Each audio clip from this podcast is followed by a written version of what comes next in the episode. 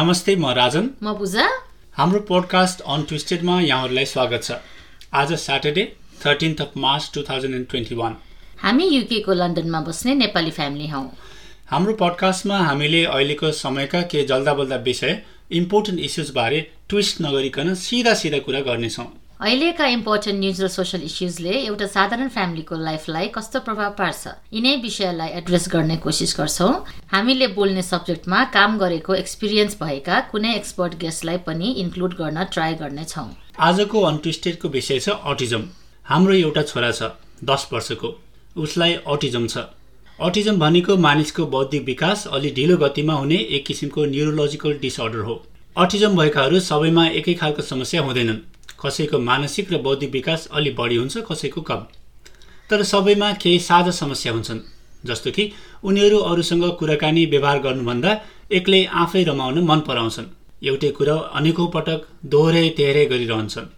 उनीहरूको सामाजिक अन्तर्क्रिया असाध्यै सीमित हुन्छ। अटिजम उनीहरूको बौद्धिक क्षमता र बानी व्यवहारमा अनेकौँ विविधता हुने भएकाले यसलाई अटिजम स्पेक्ट्रम डिसअर्डर एएसडी पनि भनिन्छ। अटिजमबारे धेरै बुझ्न अझै बाँकी छ तर संसारभरि बच्चाहरूमा अटिजम हुने दर बढ्दो छ। यस्ता बच्चालाई स्वतन्त्र र आत्मनिर्भर बनाउन आमा बाबुका लागि ठुलै चुनौतीको विषय बनेको छ। तर बेलामै उचित सहयोग र सिक्ने वातावरण पाएमा अटिजम भएका बच्चाहरू पनि सक्षम नागरिक हुन सक्छन्। नेपालमा पनि आजभोलि अटिजमबारे चेतना बढ्न थालेको छ। समाजमा धेरैलाई यो सब्जेक्टमा खासै थाहा नभए पनि केही व्यक्तिहरूको वर्षौंको मेहनतले यो क्षेत्रमा राम्रो काम हुन थालेको छन्। यसरी नेपालमा अटिजमको विषयमा धेरै कामहरू गर्ने एकजना अग्रणी अभियानकर्ताको नाम हो सविता उप्रेती। उहाँले नेपालमा अटिजमबारे चेतना जगाउन र अटिस्टिक मानिसहरूको अधिकारलाई कानुनमा सुरक्षित गर्न धेरै अभियान चलाउनु भएको छ। साथसाथै अटिस्टिक र अरू खाले बौद्धिक अपाङ्गता भएका बालबालिकाहरूलाई उचित शिक्षा दीक्षा दिन विगत दस वर्षदेखि special school for disable and rehabilitation centre SSDRC नामक संस्था चलाउँदै आउनुभएको छ। आजको अन्टु अब सुन्नुहोस् सविता उप्रेतीसँग पूजाले गरेको अटिजम टक।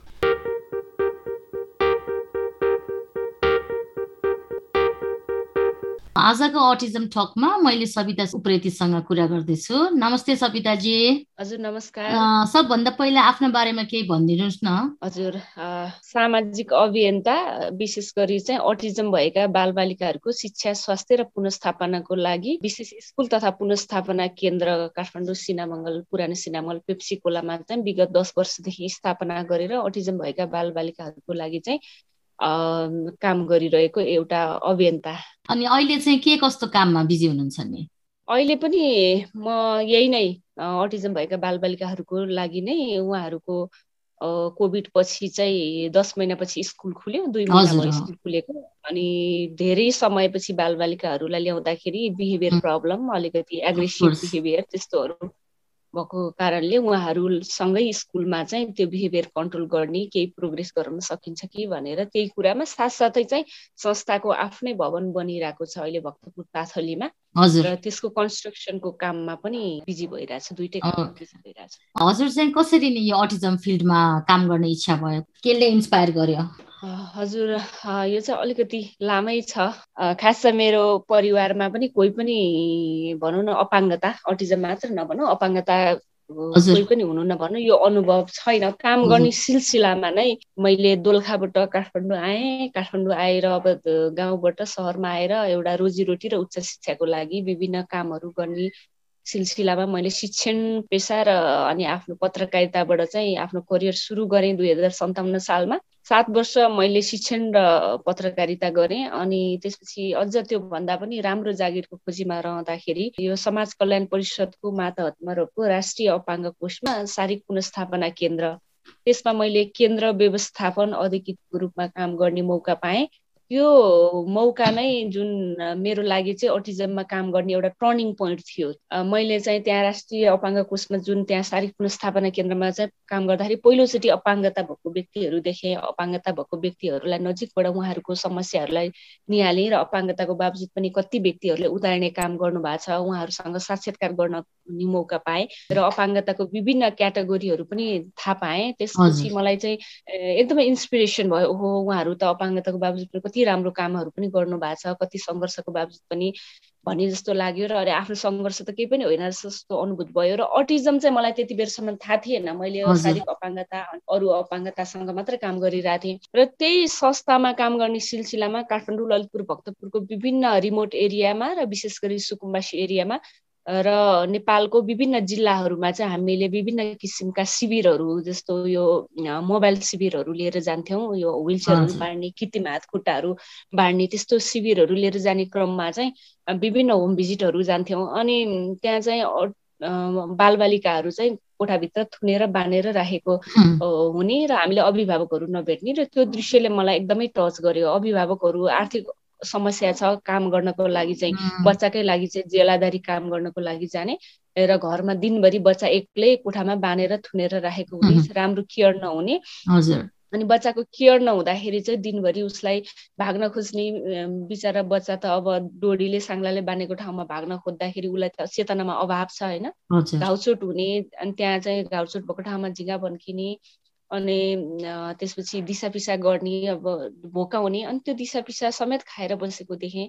त्यो दृश्यले मलाई एकदमै आँसु नै आयो एकदमै टच भयो एउटा मान्छेको बच्चा जसको जीवन एउटा कोठाभित्र छ र छोडिदियो भने फेरि कतिले भन्छ कि बाबुआमाले थुनेर बाँधेर राखे। त्यो चाहिँ एउटा आमा बुवाको बाध्यता। कुनै पनि बुवा आमालाई आफ्नो छोराछोरी बाँधेर राख्ने रहर हुँदैन होइन? तर बच्चाकै आर्थिक अभाव छ बच्चाकै लागि चाहिँ कमाएर ल्याउनु पर्यो बेलुका चामल ल्याएर पकाएर खुवाउनु पर्यो। बच्चा छोडिदियो भने भागेर कहाँ पुग्छ पुग्छ फेरि फर्केर आउँदैन। एउटा त्यो समस्या छ भने अर्को चाहिँ हाम्रो समाजकै व्यक्ति हामी जस्तै व्यक्तिहरूले चाहिँ अनेक किसिमको चाहिँ लालछना लगाउने यसको बच्चा चाहिँ यस्तो भयो भन्ने अरूको घरमा गएर चाहिँ बच्चाले केही बिगारिदियो भने पनि अलिकति समाजका सचेत व्यक्ति नै भनौँ उनीहरूले नै नबुझिदिएको कारणले गर्दाखेरि उहाँहरू बाध्य भएर चाहिँ त्यो राखेको अवस्था पाएँ मैले। त्यसपछि यो अवस्थाको बालबालिकाहरूलाई के गर्न सकिन्छ? नेपाल सरकारले के गरेछ? सङ्घ संस्थाहरूले के गरेको छ? यस्तो बालबालिकालाई चाहिँ दिनभरि केयर हुने केयर सेन्टर अथवा स्कुलसम्म पुर्याउन पाए पनि हुन्थ्यो भनेर त्यसपछि म बुझ्न थालेँ रिसर्च गर्न थालेँ। पोलिसीहरू हेर्न थाले होइन? तर खासै यो क्षेत्रमा चाहिँ त्यति जसरी हुनुपर्ने रिकगनाइज अटिजम भनेर रिकगनाइज हुनुपर्ने त्यो पनि नभइरहेको र त्यति सरकारले पनि काम नगरिरहेको र सङ्घ संस्थाहरूले पनि यसमा त्यति काम चाहिँ उल्लेख्य रूपमा गरेको चाहिँ मैले पाइनँ। अनि म अटिजमको बारेमा आफै सेल्फ स्टडी गर्न थालेँ गुगल्सबाट सिक्न बच्चाहरूको बारेमा हेर्न थालेँ। अनि त्यसपछि अटिजममै संस्था खोल्नको लागि चाहिँ मलाई ए कसरी एउटा इन्सिडेन्ट भयो भने भक्तपुरको सुकुम्बासी एरियामा चाहिँ हामी फुल भिजिट जाँदाखेरि एउटा बालक फोहोरको थुप्रो माथि अरूले फालेको वेस्टबाट एकदमै खुसीसँग पढिराख्नु भएको थियो।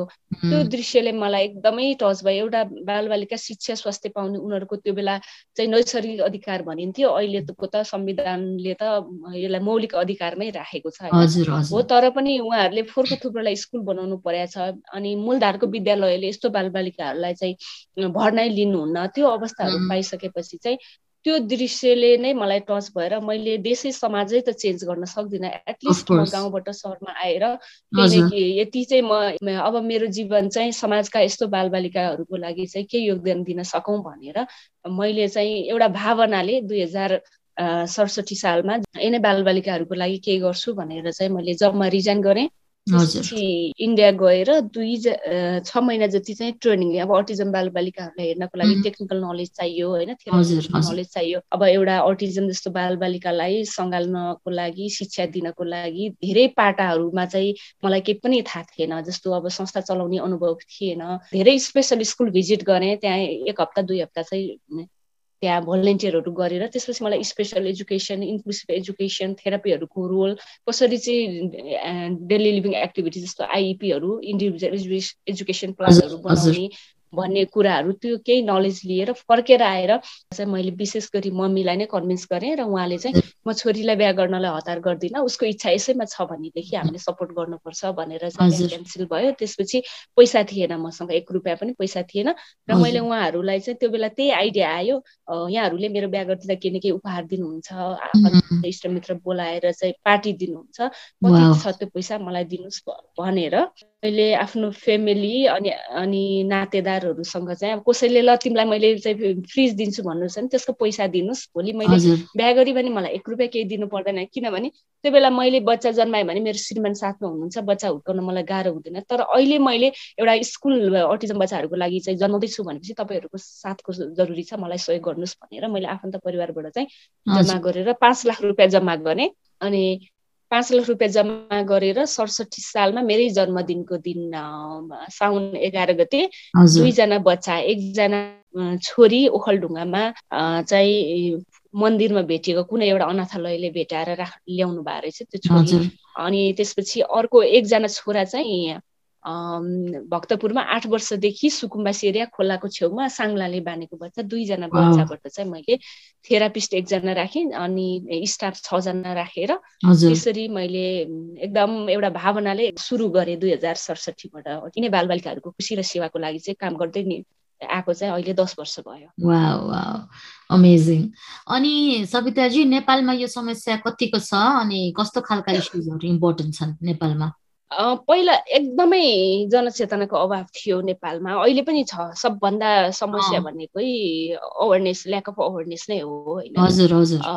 अनि हामीले हामीलाई चुनौती पनि त्यही भयो। सुरुमा त म बच्चाहरू फिल्ड भिजिट गएर घर घरमा खोज्न जाँदाखेरि पनि इभन पेरेन्ट्सले पनि विश्वासै गर्नुहुन्न थियो होइन हजुर हजुरबुवा पनि ढिलो बोलेको रे फुकझार गर्ने लाने त्यतातिर एउटा होइन? त्यस्तो एउटा त्यो थियो होइन?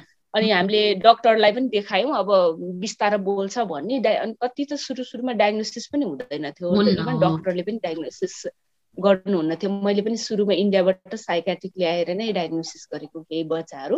फेरि मलाई केही अटिजमको नलेज भए तापनि मैले टेक्निकल रूपमा मैले डायग्नोसिस गर्न मिल्दैन। म साइकाट्रिक पनि होइन साइकोलोजिस्ट पनि होइन। जस्ट म चाहिँ एउटा स्पेसल टिचर बरु भन्न मिल्यो अनुभव होइन अनि यहाँकै धेरै डक्टरहरूले पनि डायग्नोसिस नगर्ने त्यो समस्याहरू थियो जनचेतना थिएन। इभन राज्य रिकगनाइज हुनुपर्ने रिकगनाइजै थिएन। एउटा मानसिक अपाङ्गताभित्र एउटा शब्द अटिजम राखेको थियो होइन? धेरैले चाहिँ बुझाइ भनेको चाहिँ अब अहिले त हामी सुस्थ मनस्थिति भन्दैनौँ होइन? रेस्पेक्टेड वर्ड बौद्धिक बौद्धिक अपाङ्गता भन्छौँ। बौद्धिक अपाङ्गता नै होला अथवा मनोसामाजिक समस्या होला भन्ने नै बुझाइ थियो। अहिले चाहिँ हामी जस्तो संस्थाहरू अरू संस्थाहरू अब धेरैजना लागेर होइन? धेरै पनि छैनन् यो विषय यो क्षेत्रमा काम गर्ने त जस्तो अभिभावकहरू हुनुहुन्छ होइन? अनि उहाँहरू सबैजना लागेर चाहिँ अहिले अटिजम चाहिँ दुई हजार चौहत्तरमा टु थाउजन्ड सेभेन्टिनमा चाहिँ नेपाल सरकारबाट अपाङ्गताको नौ क्याटेगोरीमा अटिजम भएका व्यक्तिहरू अथवा अटिजम अपाङ्गता भनेर चाहिँ अहिले रिकगनाइज भइ छुट्टै अपाङ्गतामा रिकगनाइज भइसकेको छ। अनि त्यो सँगसँगै चाहिँ अहिले चाहिँ नेपाल सरकारले पनि अटिजम भएका व्यक्तिहरूको लागि कार्डको व्यवस्था गरेको छ। रातो कार्ड पाउनुभयो भने तिन हजार रुपियाँ भत्ता पाउनुहुन्छ निलो कार्ड पाउनु भयो भने चाहिँ उहाँहरूले सोह्र सय भत्ता पाउनुहुन्छ। सकेसम्म आजीवन नै हेर्नुपर्ने अटिजम भएको हुनाले हामीले चाहिँ रातो कार्डै पाउनुपर्छ भनेर चाहिँ यसमा चाहिँ हामी एडभोकेसी गरिरहेका छौँ। एक लेभलमा पोलिसी लेभलमा चाहिँ अहिले अटिजमको सुनवाई भइसकेको छ। हामीसँग करिकुलम स्पेसल स्कुल चलाएको थियो हामीसँग करिकुलम जस्तो इन्डिभिजुअल एजुकेसन प्लानको फर्मेट हामीले बनाएको छौँ। त्यो गभर्मेन्टबाट एप्रुभ थिएन। अहिले चाहिँ गभर्मेन्टबाट पाठ्यक्रमहरू बन्ने टिचर ट्रेनिङहरूको प्याकेजहरू त्यो सबै भएको छ। त्यो चाहिँ त्यसमा चाहिँ अब हामी आफै हाम्रो संस्था एसएसडिआरसी र मेरो आफ म आफै पनि एक्सपर्टको रूपमा बसेर काम गरेको छौँ। अनि शिक्षा ऐनमा पनि आइसकेको छ। अहिले अटिजम भएका बालबालिकाहरूले चाहिँ आवश्यकता अनुसारको शिक्षा विशेष शिक्षा हुन्छ कि समाज शिक्षा उहाँले निशुल्कै पाउनुपर्छ भनेर त्यो पनि पहिलो कुरा त रिकगनाइज हुनु पर्यो।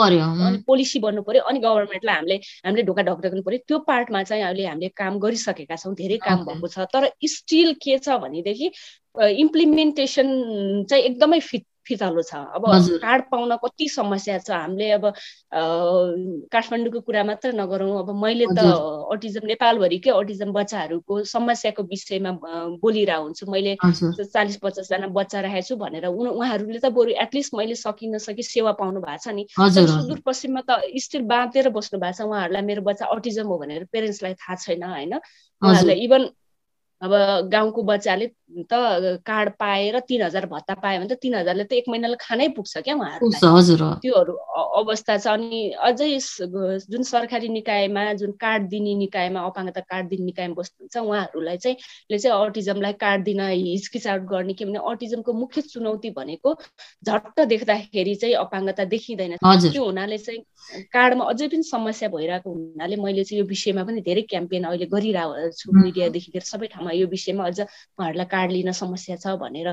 त्यो भनिरहेको छु। अब एक लेभलको त्यो काम भए तापनि अझै सर्भिस सेन्टरहरू चाहिँ एकदमै कम छ। अहिले म कामै पनि तिन चार सयजना चाहिँ अभिभावकहरू चाहिँ वेटिङ लिस्टमा बच्चाको लागि आइराख्नु भएको छ। दिन दिनमा पन्ध्र बिसजना त हामीले काउन्सिलिङ गर्ने उ गर्ने गरिरहेको छौँ र अर्को चाहिँ जनचेतनाको लेभल चाहिँ पहिला अलि लुकाउनु हुन्थ्यो होइन। अहिले चाहिँ अलि अभिभावकले पनि निकाल्न थाल्नु भएको छ। त्यो चाहिँ एउटा राम्रो पक्ष जस्तो लाग्छ मलाई।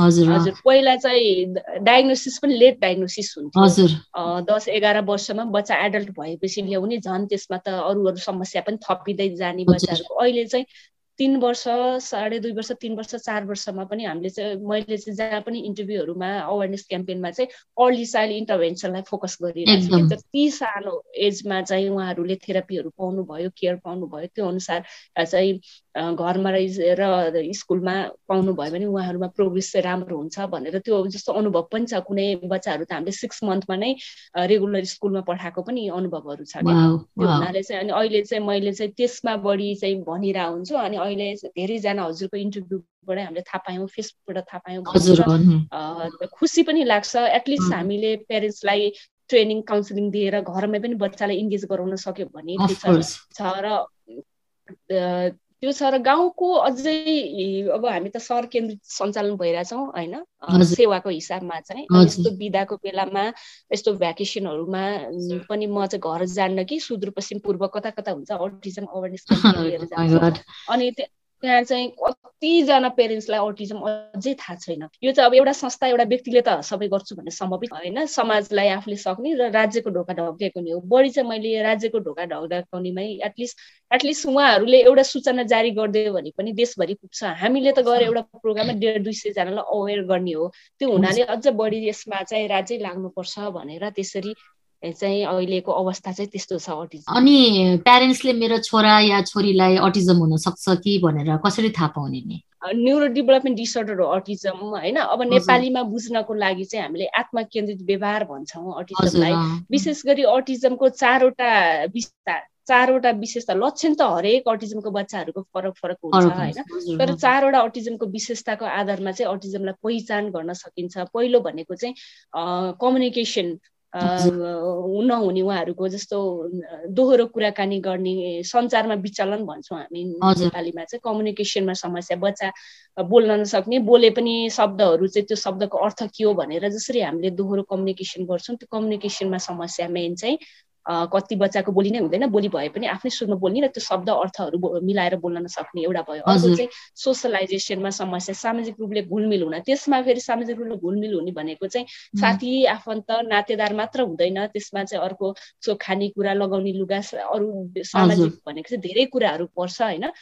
त्यो सामाजिक रूपले घुलमिल हुने कुरामा कठिनाइ अनि रिपिटेटिभ बिहेभियर एउटै क्रियाकलाप दोहोऱ्याइराख्ने उहाँलाई मन परेको एउटै चिजहरू खेलिराख्ने अनि अर्को चाहिँ यो चौथो भनेको चाहिँ अटिजमको बालबालिका कुनै बालबालिका चाहिँ एकदमै एक्टिभ भनेको निष्क्रिय हुने एकदमै सक्रिय हुने। सक्रिय भनेको एक सेकेन्ड अथवा एक मिनट पनि एक ठाउँमा बस्न नसक्ने चञ्चल एकदमै चञ्चल हुन्छ भने अटिजमको फेरि कुनै बालबालिका घन्टौँसम्म एकै ठाउँमा बस्ने पनि हुन्छ। यो चारवटा विशेषताको आधारमा चाहिँ अनि हामी मुख्य चाहिँ तर अब कति अटिजमको बच्चाहरूमा आई कन्ट्याक्टहरू हुँदैन होइन? फ्यान घुमेकोहरू हेरिरहेको त्यो चाहिँ इन्डिभिजुअलमा फरक पर्छ। कोही बच्चाहरूलेमा फेरि अलिकति राम्रो आई कन्ट्याक्ट पनि हुन्छ होइन?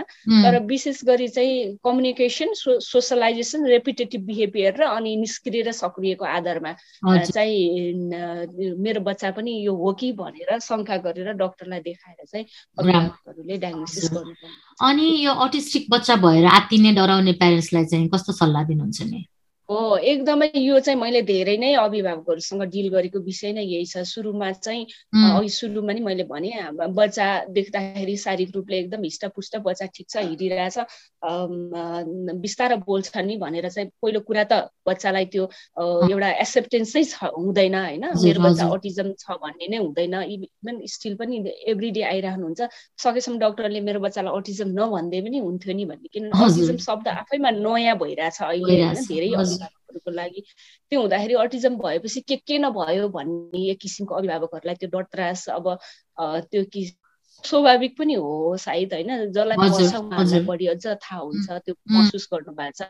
तर अब अटिजम भइसकेपछि पहिलो कुरा चाहिँ अटिजम हुँदैमा के के न भनेर अभिभावकले चाहिँ डराउनु त्रास हुनु पर्दैन। पहिलो कुरा त उहाँहरूले एक्सेप्ट गर्नु पर्यो मेरो बच्चा चाहिँ अटिजम हो अरूभन्दा फरक छ।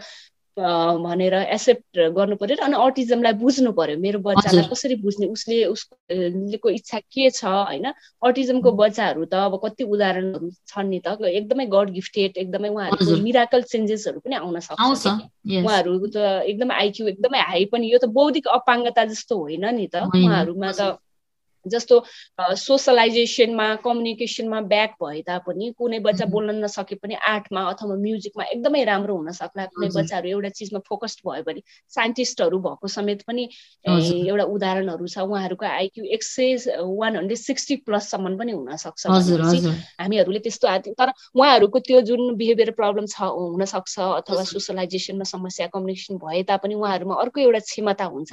हामीले त्यो चिजहरूलाई पनि सँगसँगै लगेर हेरेर उहाँहरूमा भएको क्षमताहरूलाई चाहिँ हामीले के छ त भनेर त्यसमा हामीले फोकस गऱ्यो भने उहाँहरूले धेरै राम्रो पनि गर्न सक्नुहुन्छ। त्यो हुनाले चाहिँ हामीले त्यसरी आत्तिहाल्नु पर्दैन। बरु जति सक्दो चाँडो चाहिँ अटिजमको बारेमा बुझेर तालिमहरू लिएर घरमा पनि तालिम गराउने र थेरापीहरू गराउने स्पेसल त्यही पनि अटिजम पनि फेरि प्रत्येक बच्चाहरू फरक फरक हुन्छ। अटिजम सबै बच्चा कति अभिभावकहरूले सिभियर केसको उदाहरण लिएर पनि डराएको हुनसक्छ। उदाहरणले पनि उदाहरण सक्छ। माइल्ड खालको case mild mild to moderate बच्चाहरू त धेरै राम्रो पनि गर्न सक्नुहुन्छ। उहाँहरूले थोरै सहयोगले पनि धेरै प्रोग्रेस पनि हुन सक्छ होइन त्यो हुनाले चाहिँ समयमा नै बरु अर्ली चाइल्ड इन्टरभेन्सनमा फोकस गरेर बच्चालाई चाहिँ अलिकति टाइम दिएर आफूले पनि तालिम लिएर बच्चालाई पनि घरमा पनि स्कुलमा पनि थेरापी पनि गराउनु भयो भनेदेखि चाहिँ बच्चाको धेरै नै राम्रो उहाँहरू आत्मनिर्भर बन्न सक्नुहुन्छ। त्यति मात्र होइन आफ्नो परिवारको नाम र समाज देशको नामै राख्न सक्नुहुन्छ भन्छु मैले आफ्नै अनुभवले पनि। एकजना बाबु हाम्रो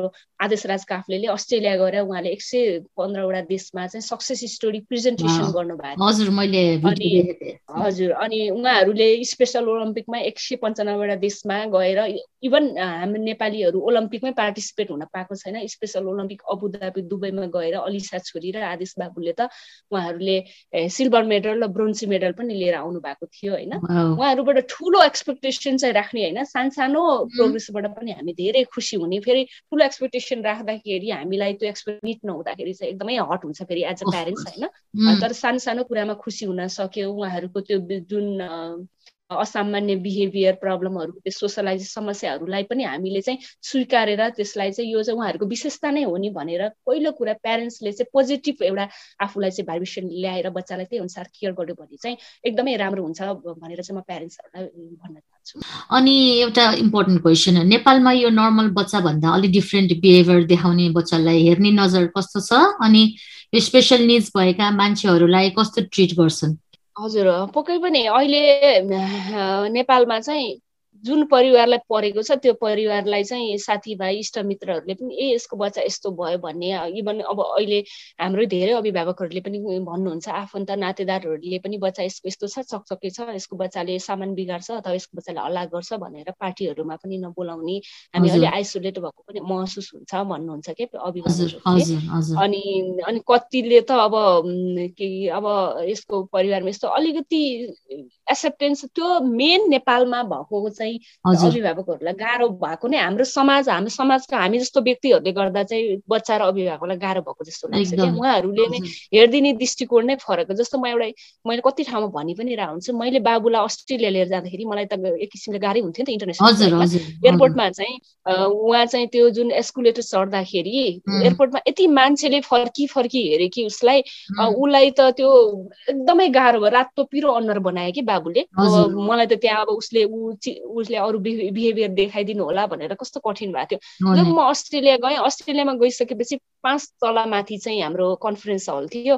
त्यहाँ चाहिँ मैले अलिसा छोरी र बाबुलाई मैले दसचोटि चाहिँ एस्कुलेटरमा चाहिँ सिकाएँ मैले माथि यसरी चढ्ने यसरी समात्ने तर कोही मान्छेले फर्केर हेर्नु भएन क्या उहाँहरूलाई। यति रेस्पेक्ट कि बाटोमा पनि उहाँहरू स्पेसल हो भनेपछि अर्कै त्यो एउटा हाम्रो समाजले दिने व्यवहार गर्ने व्यवहारले पनि एकदमै सहज हुने रहेछ। तर त्यो समाजले त्यो व्यवहार नदिँदाखेरि लुकाउने कारण के त? हाम्रो अभिभावकहरूले किन लुकाउनुहुन्छ भन्दा परिवारका मेम्बरहरूले समाजले चाहिँ एउटा गिज्याउँछ ए यसको बच्चा यस्तो भइस भन्ने कारणले त हो नि। नत्र आफ्नो बच्चालाई लुकाउने त उनी हुँदैन। अनि त्यो हुनाले चाहिँ यो चाहिँ समस्या एकदमै छ। उहाँलाई मैले दसचोटिमा सिकाएँ तर यहाँबाट बाबुलाई चाहिँ एयरपोर्टबाट लानै गाह्रो। त्यो मान्छेहरूले व्यवस्था गर्थे उहाँ त स्पेसल हो नि भनेर उहाँलाई झन् वेलकमिङ गर्थे अझ रेस्पेक्ट दिन्थे सपोर्ट गर्थे भने।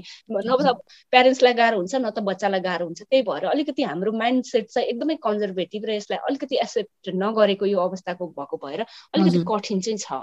है। तपाईँहरूको स्कुलको बारेमा भन्नुहोस् न के कस्तो बच्चा आउँछन् या स्कुलमा उनीहरूलाई कस्तो सुविधा छ? हजुर हामीकोमा चाहिँ अब बच्चाहरू सबै किसिमको आर्थिक रूपले भन्नु पर्दाखेरि सबै अवस्थाको अनाज सुकुम्बासी आर्थिक अवस्था कमजोर भएको मिडल फ्यामिलीदेखि लिएर एकदमै आर्थिक रूपले सम्पन्न इन्जिनियर डक्टर गभर्मेन्ट अफिसर सबै लेभलको चाहिँ बच्चाहरू आउनुहुन्छ। जुन लेभलमा आर्थिक स्टाटस जुन भए पनि बच्चा त अटिजम हो र उहाँहरूलाई हाम्रो सपोर्ट र माया सेवा चाहिन्छ होइन?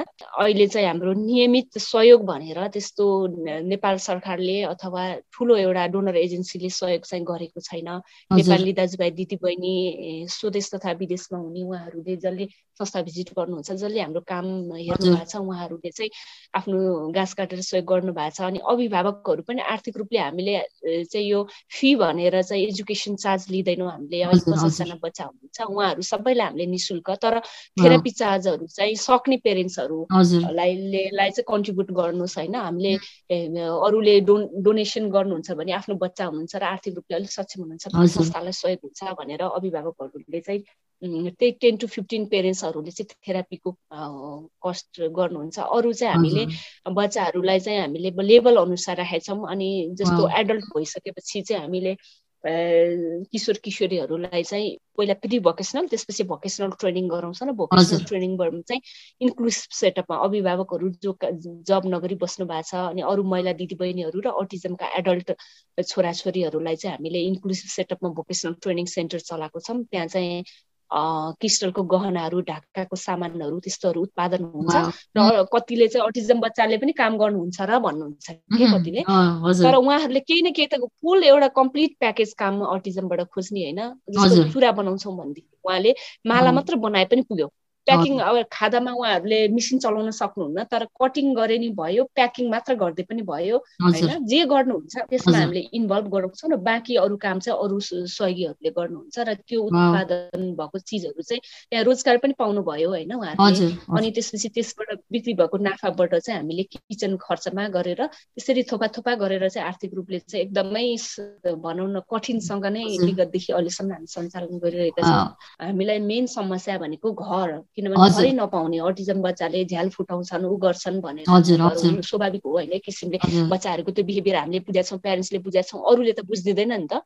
अनि त्यो हुनाले चाहिँ घरहरू पाउन एकदमै कठिन हुने अनि हल्ला भयो यसो झ्याल स्याल फुटायो टोइलेट सोइलेटमा चाहिँ अब बेसिनहरू बिग्रियो भनेदेखि अनि घरबेटीहरूको चाहिँ कम्प्लेनहरू भइराख्ने अनि त्यो हुनाले चाहिँ हामीलाई आफ्नै आफ्नै भवनको एकदमै जरुरी भयो। अनि म चाहिँ एकदमै धेरै सरकारी निकायमा पनि दौडेँ सरकारी जग्गाको लागि। आखिरमा मैले न नपाए थाकी नै भन्नु पर्यो। अब नेपालमा अब त्यो गाह्रै छ नि त सरकारी निकायमा पनि एकदमै होइन? त्यो भएपछि अनि मैले आफैले थाकेर अनि एउटा इटा अभियान भनेर ने स्वदेश तथा विदेशमा भएको नेपालीहरूको सहयोगबाट चाहिँ हामीले केही रकम जुटाएर भक्तपुरमा जग्गा लियौँ। दुई साढे दुई वर्ष अगाडि जग्गा लियौँ अनि जग्गा लिइसकेपछि हामीलाई फेरि अटिजम स्कुलको लागि भनेर चाहिँ एउटा इटा अभियान भनेर अभियान सञ्चालन गऱ्यौँ र अनि त्यस अभियानमा चाहिँ एनआरएनए अस्ट्रेलियाले चाहिँ मलाई अस्ट्रेलियामै बोलाएर चारवटा स्टेटमा चाहिँ फन्ड डिनर गर्नुभयो। र त्यहाँ राम्रै फन्डहरू कलेक्सन भयो न नेपालीहरू जस जसले फेसबुकबाट थाहा पाउनुहुन्छ उहाँहरूले स्वदेश तथा विदेशमा भएको आफ्नो नेटवर्कको अभिभावकहरू सबैले चाहिँ सपोर्टहरू गर्नुभयो र त्यो स्टार्ट गरेपछि फेरि प्रारम्भ भन्ने संस्थालाई चाहिँ हामीले प्रपोजल दिएको थियौँ। उहाँहरूले सिङ्गापुर रेड क्रसलाई चाहिँ प्रपोज गरेर सिङ्गापुर रेड क्रसले पनि हामीलाई चाहिँ एक तला भवन बनाउनुको लागि चाहिँ यो लकडाउनको टाइममा चाहिँ सबभन्दा उपलब्धि भनेको मैले चाहिँ एकदम फ्रन्ट लाइनमै बसेर एकदमै त्यो हामीले चाहिँ यहाँको सिडिओ साहब प्रहरीहरूलाई रिक्वेस्ट गरेर सामानहरू झारेर हामीले कन्स्ट्रक्सनहरू गऱ्यौँ। एक तला बनिसक्यो। अहिले चाहिँ छ कोठाको बनिसक्यो। तर अब हामीसँग फन्ड चाहिँ पर्याप्त नभएको कारणले गर्दाखेरि अरू क्लासरुमहरू बनाउन सकेनौँ। र अहिले चाहिँ केही मिसन रिबिट नेपालको केही सहयोग त्यो पनि युएसमा बस्नु भएको नेपालीहरूको टिम हो त्यो पनि र अनि अरू चाहिँ मैले अलिकति यो न्यु स्टेसनबाट चाहिँ आफ्नै भवनमा सिफ्ट गर्ने भनेर नपुगेको भएर भाडा तिरिराख्नु पर्नु भन्दा त भनेर अनि मैले केही लोन पनि लिएर अहिले फेरि कन्स्ट्रक्सनहरू क्लासरुम चाहिँ भइरहेको छ अब वैशाखमा चाहिँ न्यु सेसनमा चाहिँ आफ्नै भवनमा भक्तपुर शाखा भनेर दर्ता गरेका छौँ हामीले अहिले छुट्टै। यो चाहिँ भक्तपुर शाखा हुन्छ र फेरि हाम्रो पेप्सी कोलामा हो अहिले केन्द्रीय कार्यालय र गोठेटारमा पनि भर्खरै भर्खरै मात्र हामीले दुई रोपनी जग्गा चाहिँ दस वर्षको लागि एकजना दाताले चाहिँ जुन उहाँ चाहिँ अटिजमको प्यारेन्ट्सै हो होइन? एडल्ट भयो एडल्ट प्यारेन्ट्स सुरेश पुडा सैनी र लीला पुडा सैनी भन्ने उहाँहरूको गोठाटारमा जग्गा रहेछ। उहाँहरूले चाहिँ सानोमा मेरो ना छोरीले चाहिँ अटिजम स्कुलमा सेवा पाएको भए केही इम्प्रुभ हुन्थ्यो होला। अब उसको इम्प्रुभ हुँदैन। उता पचास पचास बाहन्न वर्ष भइसक्यो। एटलिस्ट अरू बच्चाहरूले स्कुलमा सेवा पाउनुहुन्छ भनेर उहाँहरूले चाहिँ नि शुल्क हामीलाई दस वर्षको लागि अहिले त्यो ल्यान्ड दिनुभएको छ। र हामीले पहिला भक्तपुरमा चाहिँ बच्चाहरू सिफ्ट गरिसकेपछि अनि फेरि गोठाटारमा पनि हामीले चाहिँ कतै फन्डहरू चाहिँ जुटाएर कक्षा कोठा बनाएर काठमाडौँ गोठाटारमा पचासजना बच्चा र भक्तपुरमा पचासजना बच्चा गरेर सयजना बच्चाहरूलाई सेवा दिने र अटिजमको research centre training centre develop गर्ने भनेर चाहिँ एउटा ठुलो प्लान लिएर म अगाडि बढिरहेको छु। अब पक्कै पनि सबैजनाको साथ सहयोग आशीर्वाद पाएँ भने अनि यस्ता स्कुल नेपालमा कति छन् अनि सरकारबाट के हेल्प पाउनुहुन्छ? स्कुल चाहिँ यति नै भनेर त्यस्तो औँलामै सीमित छ। अब त्यस्तो धेरै स्कुलहरू छैनन् होइन? अहिले प्राइभेटली केही स्कुलहरू खुल्न थालेछन्। त्यसमा पनि कति अभिभावकहरूलाई एफोर्ड गर्न गाह्रो पनि छ होइन? त्यो पनि हेर्नु पर्यो। अनि अब समस्या मेन चाहिँ अटिजमको बच्चाहरूलाई शिक्षण गर्नको लागि शिक्षक तालिमहरू र थेरापिस्टहरू पनि धेरै नपाइने समस्याहरू पनि छ यहाँ अनि सरकारले चाहिँ अझै अटिजमको लागि सरकारले त्यही कार्ड भयो भनेदेखि भत्ता दिने बाहेक चाहिँ अरू त्यस्तो सरकारकै तर्फबाट स्कुलहरू खोल्ने अथवा त्यस्तो नियमित सहयोग गर्ने चाहिँ भएको छैन। हामी त्यो लबीकै क्रममा छौँ। अस्ति मैले शिक्षाको सचिवज्यूलाई भेटेर नै कुरा गरी शिक्षाको डिजीलाई बोलाएर उहाँ भिजिटै गर्नुभयो। मैले त फर्स्ट टाइम हेरेको यस्तो पो हुँदो रहेछ भन्नुभयो उहाँले।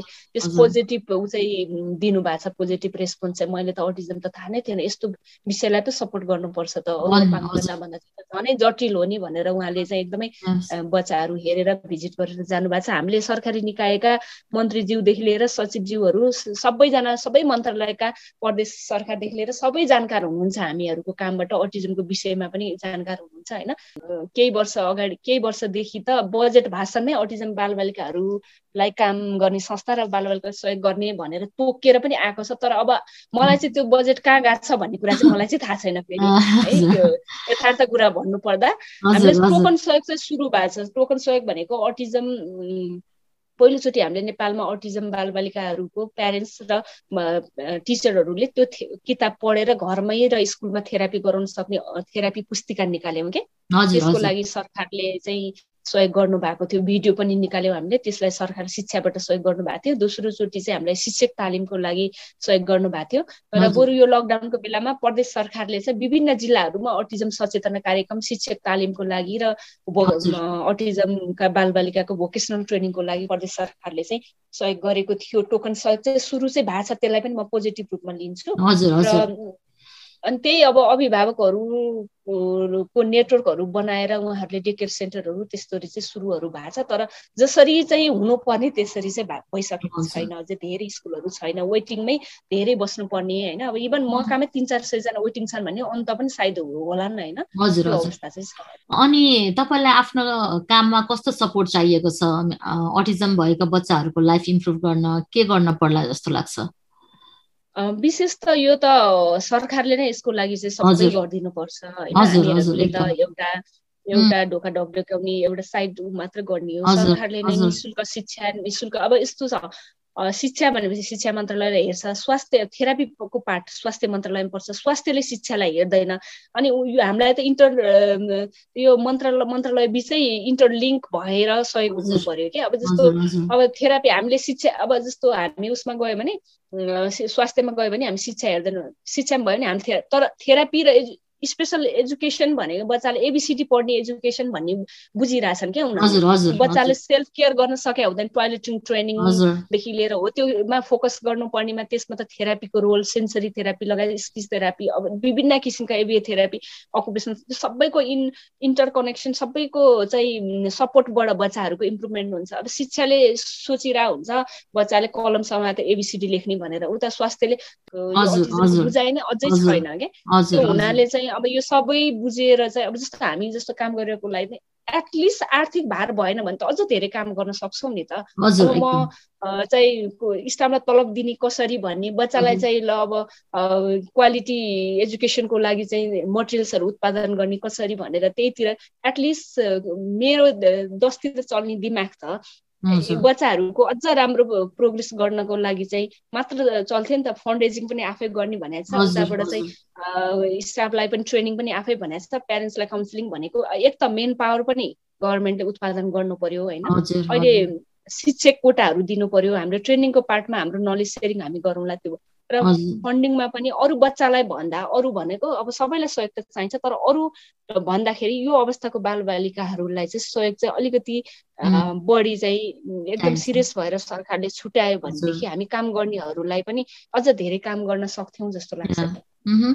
अनि तपाईँहरूको काममा सपोर्ट गर्न विदेशमा बस्ने नेपालीले पनि कन्ट्रिब्युट गर्न चाहनुहुन्छ भने त्यसको लागि के गर्ने?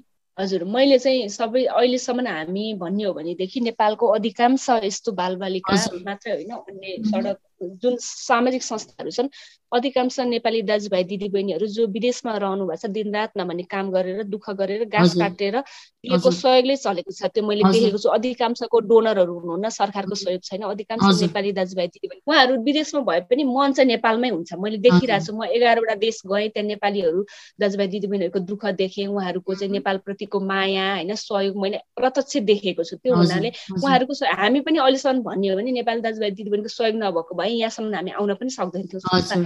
स्थायित्वको छेडमा जाँदैन थियो त्यो हुनाले पहिलो त मैले अटिजमको बारेमा बुझाउनै भन्छु किनभने धेरैजनालाई अटिजम थाहा नै छैन अनि यसो झट्ट हेर्दाखेरि सामान्य देखिन्छ ए सफा सुकिला बच्चाहरू नै रहेछन् नि किन सहयोग चाहियो? भन्ने पनि हुन्छ कि? मैले पहिलो चाहिँ अटिजमको बारेमा बुझौँ नेपालमा अटिजमको बारेमा चाहिँ अब अझै पनि धेरैलाई थाहा नै छैन र बाहिर बस्ने नेपाली दाजुभाइ दिदीबहिनीलाई पनि अझै पनि थाहा छैन जसलाई पढाएको छ उहाँहरूलाई अझ बढी थाहा छ। बुझेर अनि हाम्रो कामहरू हेरौँ दोस्रोमा हामीले कसरी काम गरिरहेछौँ हाम्रो भिजिबल काम छ। हाम्रो त संस्थामा एनी टाइम आएर भिजिट गर्न सक्नुहुन्छ फेसबुक पेज वेबसाइटदेखि लिएर हाम्रो भिडियो युट्युबमा भिडियोहरू छ।